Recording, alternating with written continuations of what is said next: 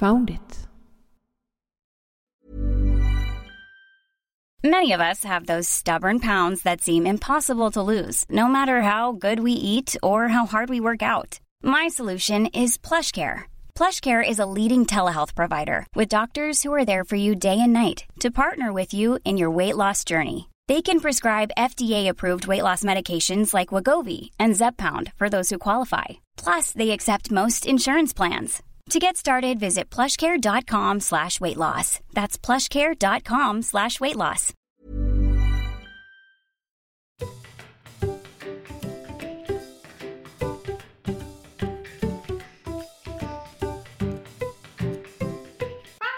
Podcast. Welcome to Found it. podcast, a podcast about uh, geocaching, about woods, about containers, and a harsh finding looking for a cache. As you can hear again, I'm back English. I'm sorry, Swedish listeners, but to uh, embrace our new international approach, I have to use a language we most of us understands. And just by today's show, I am greatly honored to meet people far, far away from me. Last week with, with Annie Love, and she was like uh, eight hours away. But this time I'm uh, talking to Terry Ann from uh, Australia and uh, also known for the YouTube channel Geocaching Down Under. I think welcome to Found It Podcast, Terry Ann. Thank you, Patrick. It's an honor to be here. It's an honor to have you also because we've been working for almost two years, more than two years now, and you and Annie and Chris are the first international for two years who even agreed to join us. That is fantastic. Then there you go. You're multicultural now. Yeah, yeah, we are. Uh, okay, how long have you been doing your uh, YouTube channel? Uh, the podcast, I have had that for about two years now. Yeah, and it is also a podcast for uh, regular directories. It is, yeah. That's right. Okay. Uh, but I'm not. Uh, we're not going to talk about that yet. Uh, I have a question. Your, I just said your name was Terry Ann, but uh, what is your geocaching username? So my geocaching username is Purple Cache Eater. Okay. How come you chose that? Well, uh, my favorite color is purple. And uh, while I was trying to think of a name, I wanted something that uh, mattered to me. And um, loving the color purple, I wanted to play on that. So my aunt thought of straight away, she thought of uh, Purple People Eater. And I did a little bit of research, and that name was actually already taken. So I said, let's give it a geocaching twist. And then I came up with the blend of Purple Cache Eater rather than Purple People Eater. Ah, okay. So a purple people eater, you said. What It is was already that? taken. Yeah. What is it? Also, it's a song. Um, I think it's an American song from uh, back in the fifties or sixties. You'll have to Google it. It's a, it's like a funny, quirky song, not a not a full on serious song, but uh, yeah, it's a song called Purple People Eater. Ah, okay. Well, you can listen to it here. It was a one-eyed, one-horn flying purple people eater. One-eyed, one-horn, flying purple people eater. A one-eyed, one-horn flying purple people eater sure looks strange to me. One-eyed. Well, he came down to earth and he lit in a tree. I said, Mr. Purple People Eater, don't eat me. I heard him say in a voice so gruff, I wouldn't eat you cause you're so tough. And so, uh, when did you start geocaching and uh, why or how? Sure. So I originally started uh, geocaching with my dad uh, way back when I was a teenager. So around the 2003 sort of time frame. Um, and that was before we had smartphones. So that was looking on the website, printing off the page, and then plugging the details into the GPS and then heading out and exploring. Uh, so dad and I, we both loved exploring and finding new places, and we loved puzzles and solving things. So it was a really good fit for us, and it was just a wonderful activity just for dad and myself to do. Uh, and then I, uh, when I moved away from living with my dad, um, I stopped doing it for about 10 years. And then I was actually living with my aunt, and she encouraged me to get back into it. And she was speaking to a neighbor of ours at the time, and somehow or rather, geocaching came up in the conversation. And my neighbor was actually a geocacher. And I was like, Great, my niece is a geocacher. How about the two of you go out and, and do geocaching together? Because uh, I was a bit shy and didn't want to go out by myself. And it had been so long that I'd sort of forgotten about it. Uh, so that's how I got back into it. Uh, and to be honest, I think she was happy to get me out of the house. Okay. So it, it basically was your father who taught you how to geocache? Yes, absolutely. Your dad started the whole craze. Yeah. I, I know you you spent uh, 10 years uh, not you doing geocaching, but now, uh, after you've started again, how uh, how much time would you say you spend during a week oh, or a weekend or so? Uh, as much as I can, really. Um, I'm more of an opportunist geocacher, though. So, sort of whenever I'm out and about, I go and have a look and see what's nearby on the map wherever I'm going. So, mainly weekends. Uh, but my aunt, she's very understanding and she's a muggle. So, she uh, encourages me to go geocaching whenever I can. So, whenever we stop somewhere, she's like, Is there a geocache nearby? Have a look. So, I jump on the map and have a look. And uh, she'll sit in the car and wait while I'm looking under bushes and up in trees. Yeah, my mother is actually the same. Mm. She she told me that uh, oh, bring your phone and is there some of these uh, boxes or or something out there? and you, you it's wonderful we, how patient they are. Yeah, I, I was. I'm. I'm. Uh, it's a great experience to see. Well, they're parents and they've tried, mm. and they've been uh, doing it for 35 years in my on my end. yeah, that's uh, right. Very supportive. Yeah, is there a lot of geocaches in your area in uh, Australia? Yeah, there is. There's quite a few. So I am uh, within a short drive of Sydney. Um, and so there's quite a few in Sydney and the surrounding areas. We have a lot of forest, uh, a lot of beaches, obviously. Uh, so there is. There's there's heaps around here. Uh, and then we also have the uh, capital, uh, Australian Capital Territory, which is about a three, four hour drive from me. And they have a lot. They are really heavy on geocaches and they've got a wide variety. So there's lots to see and do, yeah. Uh, now to your uh, podcast, and uh, when did you start? Well, that's interesting actually, because I didn't actually start the geocaching podcast. a friend of mine, his name is See Shell. He actually started the podcast back in 2017. Uh, so he wanted Australia to have a high quality podcast of its own. So he decided to start one. So he ran it for a few years and then life took him in a different direction. So he went looking for someone to take it over. He didn't want it just end, he wanted someone to keep it going. Uh, so, See My Shell and I, we were on the same geocaching committee, Geocaching New South Wales. So, that was a committee representing geocaching in the state of New South Wales in Australia. Uh, he was the president, and I was uh, just a team member. And he knew that I was quite good with speaking, uh, quite good with technology. He thought I'd be a good fit to take over the podcast from him. So he actually was a little bit sneaky. He hosted a few trivia nights for his listeners. Uh, and he got me to be the co-host on a couple. And i didn't realize but i was actually i was actually on trial to see if i could handle taking it over from him. Anyway he thought i did a really good job. And uh, he said well i think you could do it. Would you like to take it over? And i wasn't terribly confident. So i said i would but i'd really like a co-host and i don't know anyone so he set about finding a co host for me. So he had a mate in mind. His name was Tattooed Squared. So ta- he approached Tattooed Squared. He said, Oh, I don't want to do it by myself. He goes, No, no, it'll be a co host. There's two of you. And then he said, he said yes. Uh, and then I said yes because I had a co host, someone who could help me do it. Uh, so uh, Tattooed Squared, he and I, we co-hosted for about six months, and then Tattooed Squared, he decided he didn't want to actually do it anymore, and I didn't want to give it up, so I continued on by myself from there on. Okay, so how uh, how do you plan an episode? Sure. Well, the podcast show, which is broadcast live on Facebook and YouTube, that's pretty much locked into the second Tuesday of every month.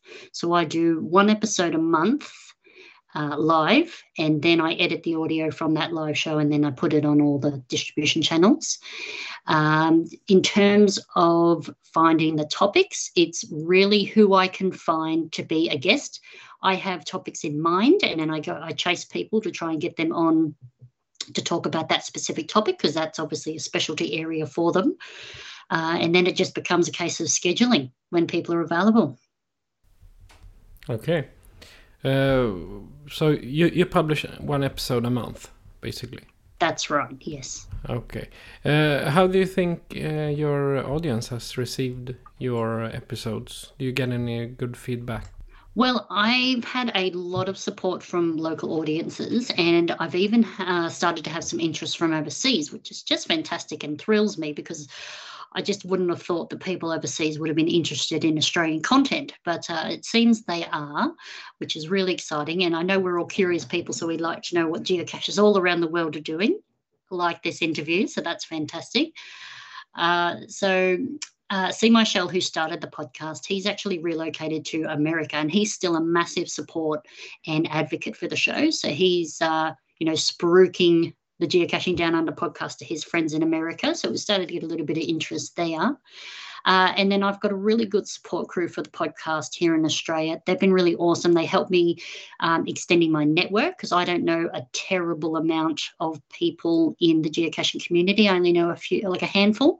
So that's really been able to spread my network and find people to connect with, uh, to be guests on the show and bring up new topics and really explore other people's experiences in Australia of geocaching because I, I, really want to with the podcast I really want to bring geocaching community together in Australia and have like a central place uh, that people can go for information and, and reference. Do you have any plans for the future that you uh, can share already now or is there something secret maybe? Uh, nothing too highly secret, but um, I am hoping um, that when events become able to be run again, uh, once we get past the pandemic, I would like to have some GD, some geocaching down under podcast events, uh, and really maybe even broadcast live from an event. Uh, once again, just networking, getting out there, meeting people. I really love meeting people. I'm, I'm really social, so that's really cool. And I really want to encourage that community engagement and bring people together. Uh, so I would like to get some events going. Um, and I'd also like to um, make the podcast the place for people to go for information relating to geocaching, as I just said. So, working out ways to reach out to people, uh, like um, councils, um, associations who are looking for activities for family, really becoming that touch point for the sport and uh, just a, an advocate for the sport, really. Oh, uh, yeah, we we are trying. We were supposed to broadcast live from events uh, two last year, but mm-hmm. all of a sudden, all of it just disappeared due to the COVID. During the pandemic, how uh, how uh, how was your listeners uh, reacting to the show? Did you did you give out more episodes or just uh, how do you feel? I didn't do more episodes, uh, but what I did with uh, the committee that I mentioned that I was on for New South Wales, I'm no longer on that committee, but uh, they reached out to me and asked if I could do um, some trivia nights for them. Um, so through the podcast and through their channels, I yeah did some trivia nights for them just to try and entertain people. So you did some uh, online Zoom uh, trivias then, if I understand yeah. right? Yeah. Okay. Yeah. A common problem during the pandemic, so to speak. and that's the thing is everyone's zoomed out, so you know don't really want to watch online. But we sort of did it on like Friday nights and Saturday nights when people were free, and it's trivia night. People love trivia night, so they're all sitting at home in their comfy chairs and you know comfy clothes and favorite food, and they could just sit there and play trivia. It was great fun. They loved it got a really good response. The thing is, when you meet up with a, a bunch of friends, you know, during summer, uh, you want to meet people and sit on a, a restaurant or in a mm. on in a park or whatever together closer. You can hear each other and well, uh, smell each other if the, that's the worst thing. But th- this pandemic took us to know that we need human interaction, not just by a screen, but face to face. Absolutely. And that's something I really noticed as well is I'm a big hugger and I really missed hugs from people and that human touch. Yeah, so I understand what you what you're saying. Yeah. Uh, before the pandemic, what was the last event you went to? Ah, that's a very good question. I went to an event in 2019, a mega. Um, and that was my oh and a local a local uh, christmas party so that was about you know 25 30 people so just a local christmas party for local geocachers so that was that was probably the last thing Yeah, we we had the same in the middle of the town, uh, the town square. Uh, we we met on the th- 29th of uh, February. Just it only, it only happens every four four years. Uh, oh okay uh, yeah, we were about uh, 30, 35 geocachers meeting, but at the same Mm. time, next to us there was a singing con- competition. oh Great. How would you like to look five years younger? In a clinical study, people that had volume added with Juvederm Voluma XC in the cheeks perceived themselves as looking five years younger at six months after treatment. Look younger, feel like you. Add volume for lift and contour in the cheeks with Juvederm Voluma XC. Reverse signs of aging by adding volume to smooth laugh lines with Juvederm Vollure XC. For important safety information and to find a licensed specialist, visit juvederm.com. That's J U V E D E R M.com. Not for people with severe allergic reactions, allergies to lidocaine, or the proteins used in Juvederm. Common side effects include injection site redness, swelling, pain, tenderness, firmness, lumps, bumps, bruising, discoloration, or itching. There's a risk of unintentional injection into a blood vessel, which can cause vision abnormalities, blindness, stroke, temporary scabs, or scarring. Talk to a licensed specialist to find out if it's right for you. Mom deserves the best, and there's no better place to shop for Mother's Day than Whole Foods Market. They're your destination for unbeatable savings, from premium gifts to show-stopping flowers and irresistible desserts. Start by saving 33% with Prime on all body care and candles. Then get a 15-stem bunch of tulips for just $9.99 each with Prime. Round out Mom's menu with festive rosé, irresistible berry chantilly cake, and more special treats. Come celebrate Mother's Day at Whole Foods Market. So we stood there looking at each. Yeah, we stood there looking at each other. Okay, uh, we're gonna hear each other. Ah, well, well, that was uh, the most recent event I was at, and that that's so sad. It is. It is. Yeah. Yeah. Well, I mean, I'm looking at close to a year now because the next event um, has been published and it's uh, for December and it's our local Christmas party again. So Oh, all right. a full year. And what is your best experience so far? Oh, generally speaking, I would say meeting people. Um, I'm really a social person, love meeting people, love hearing their stories, uh, seeing different walks of life and things like that. So that's been really awesome. Uh, but in the last few years, I have been on a trip to South Australia, which is sort of a two, three hour flight from where I live. And we included some geocaching in that trip as well. So we went down to the Flinders Ranges uh, which is a mountain range that cuts through sort of the centre of Australia. Then we went to Alligator Gorge, and that was fascinating because they have fossilised beaches. Oh, So you know the waves of on the sand, the ripples on the sand. yeah. It was actually that that was fossilised into into rock. So learning about a fossilised beach was fascinating, and, and there was a geocache nearby, not at not at the fossilised beach.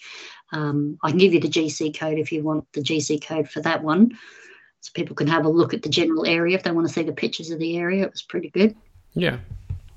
Yeah, sure. So that one was GC NJD0, and that one was called Alligator because it's in Alligator Gorge. Uh, and that was nearby, so I could find a geocache and see a fossilized beach, which was fascinating. So that's been great. Yeah, and and also you filled an area on your Project GC map. Yes, absolutely. Well, I am loosely chasing my Jasmer grid, but it's quite tricky here in Australia because we don't have a lot of the early ones. no. Uh, but uh, you, how about your worst experience? Something must have happened during these years. Uh, worst experience, I would say having being the owner of a geocache, getting that cache muggled has been the worst experience. Um, I haven't had any major mishaps while geocaching, so touch wood on that part. Uh, but yeah, getting getting your geocaches muggled has to be one of the most frustrating parts of geocaching, I think. I guess, uh, and now you're not talking about the regular Tupperware containers. I mean, this might be a mm. nice geocache like your yes. one you built yourself. Yes, so I um I have a, a friend who does woodworking, so I got them to build me a birdhouse as a travel bug hotel because we don't have any in this specific area where I am. So I, I, wanted one, and it's also a gadget cache as well. So you've got to have a magnet to touch on the outside of the birdhouse to get the numbers to get into the lock to get in.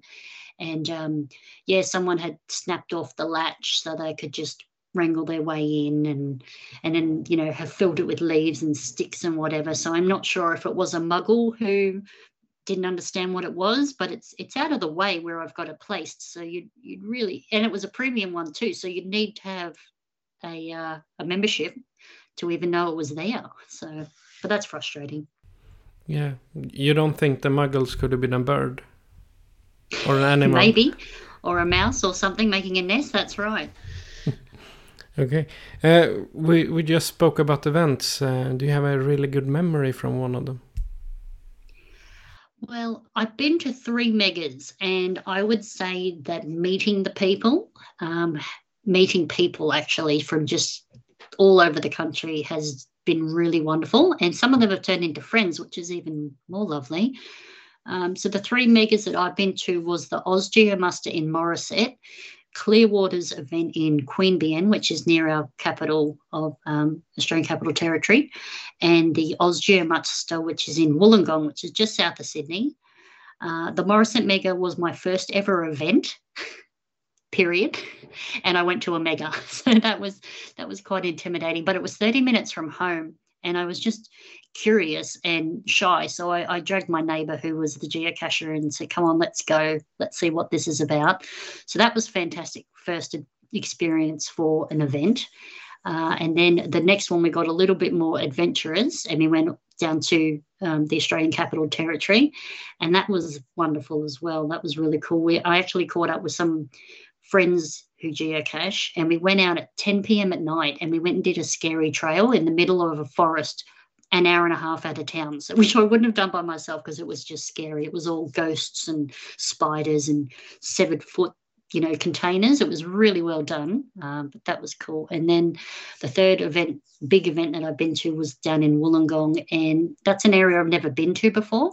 So exploring the area was really cool, and they had a whole different variety of caches. So the event organisers had really planned it out they had all sorts. I had Wherigos, Adventure Labs, you know, trails if you wanted them. And it was just fascinating. So all of those sorts of memories from events is, has been my favorite. Okay. So I guess during these events you've had uh, some uh, special uh, memories or special happenings. Do you have a funny or a wacky story you can share from an event? Nothing crazy out of control. We tend to be pretty uh, prepared when we go geocaching, um, and particularly being a single female, you really take into consideration things before you go. Um, but as part of that uh, Oz Muster and Morisset, there was a geocache that was in a tree, but the tree was overhanging a cliff. So I got nominated to climb the tree because I'm a bit of a, a monkey. Anyway, so I'm up this tree, maybe three meters up the tree, and then hanging out over this cliff was was probably 25 meters to the bottom. So mm. you know, could have been fatal. so that's um that's probably one of my craziest stories, and and just general, you know, we, we did one when we were in the Flinders Ranges, um, walking along a trail to find that geocache, and we're in a canyon, a gorge, sorry, and no one around And you know what Australia's like without native animals. You've got we've got snakes, we've got goannas, we've got spiders, and all of them can kill you. So that's always a challenge. But um, my aunt was with me at that time, and, and she lost her sunnies on the on the walk somewhere. So you know we spent the next forty five minutes on the trail uh, trying to find sunnies, and then like I've had friends, you know walk for kilometers and kilometers to find a geocache. Get there, find the geocache, it's all good. Okay, let's go back to the car, let's go find the next one. They got halfway back to the car. I think it was a two and a half kilometer trek. They got halfway back to the car and realized that their car keys were missing. So they had to retrace their steps. And it turns out that it was a building at the end of this hike that they had to crawl under the building on their back, hands and knees on their back, to find the geocache and the keys were there. So they'd obviously fallen out of their pockets while they're scrambling under this building. So didn't happen to me, but I have heard of, you know, people who have, you know, nearly gotten stranded or stuck. But uh, no, touch wood, no flat tires, no ticks, no snake bites. So uh, touch wood, my good luck continues. Okay. Now, a question just to uh, give you a bit of marketing. Can you tell us um, short about uh, geocaching down under, about your uh, episodes, what you do with them? Oh, sure. Uh, so we, um, well, I, I broadcast on the second Tuesday of each month. So I do one episode a month on the second Tuesday of the month. Uh, that goes out live on Facebook and YouTube. Uh, so people can join in in the chat room and interact with my guests. I try and get a variety of guests on to explore uh, different elements of geocaching. Um, we've really explored lately, obviously, Halloween we've just gone through. So I really wanted to explore night caching and uh, everything to do with spooky caches and things like that. Um, I've got um, reviewers, so I've talked to reviewers about the reviewing process and how people can be better geocache hiders. I've had people talk to me about events specifically. I do um, quite a few on event promotion. So, trying to include the whole of Australia in one central location. So, I do encourage event organisers to get in contact with me and we can really step through people through events because I think we're a little bit different to um, other countries in Australia. I know you can only have an event on one day, but we try and make it like a full weekend. So, a Thursday, Friday, Saturday, and Sunday, and have a full weekend of things to do. So the actual events on Saturday, for say, but there's all there's things leading up on the Thursday, Friday, and then closing on the Sunday. So I, I, really like people to come on and explain to people what they can do over the whole weekend, and really encourage people to travel and go to the event. So I really encourage that. Uh, what else have we had? Oh, just bits and pieces. Getting to know. We've got a few hiders down, uh, finders down here that have found, you know, thirty thousand geocaches, which is just phenomenal to me. That's huge. I'm sure in Europe it's probably not that big of a, a find count, but uh, down here that's that's quite amazing. So I've talked to them and found out their experiences and their their love of geocaching and their obsession. But uh, yeah, basically it's just sharing our obsession of geocaching and all things revolving around that. Okay. And where, if I, if um, my listeners would like to to listen or watch your videos, where can they find you? Oh, sure. So you can search for us on YouTube, just geocaching down under podcast. Uh, we've got the YouTube channel. Same on Facebook, Twitter, and Instagram. Uh, on Instagram, it is GDU Podcast. Uh, that is our handle.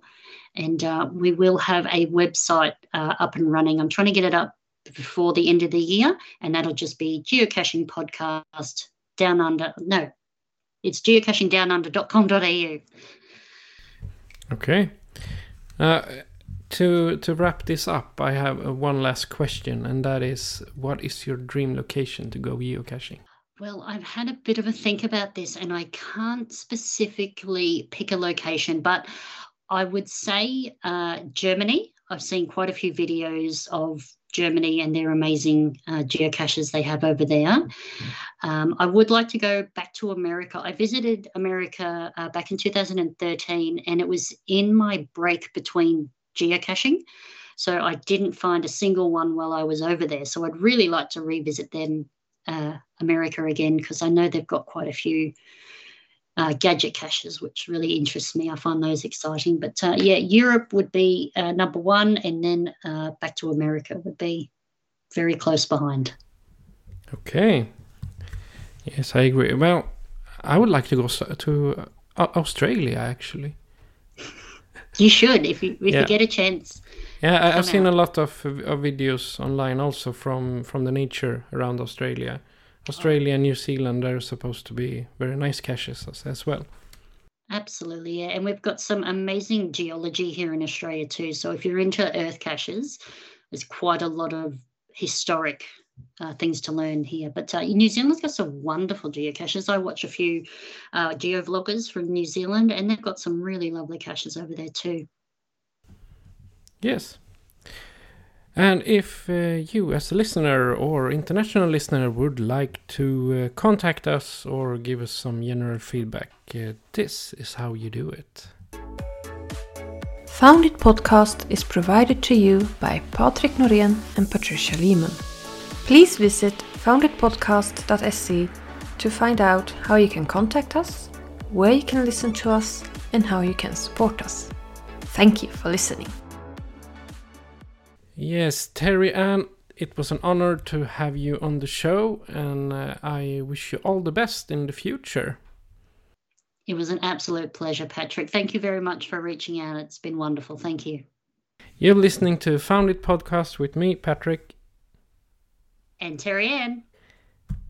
Goodbye to you. Found it! Podcast.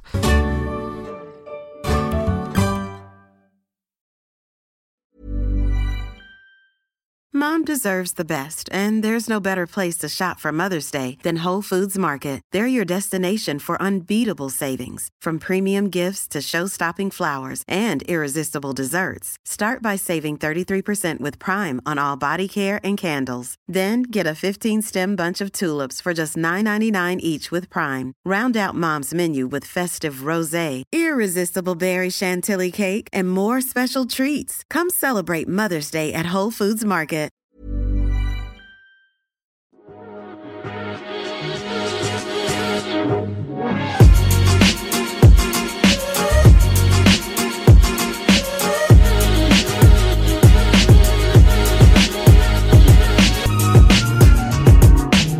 Found it.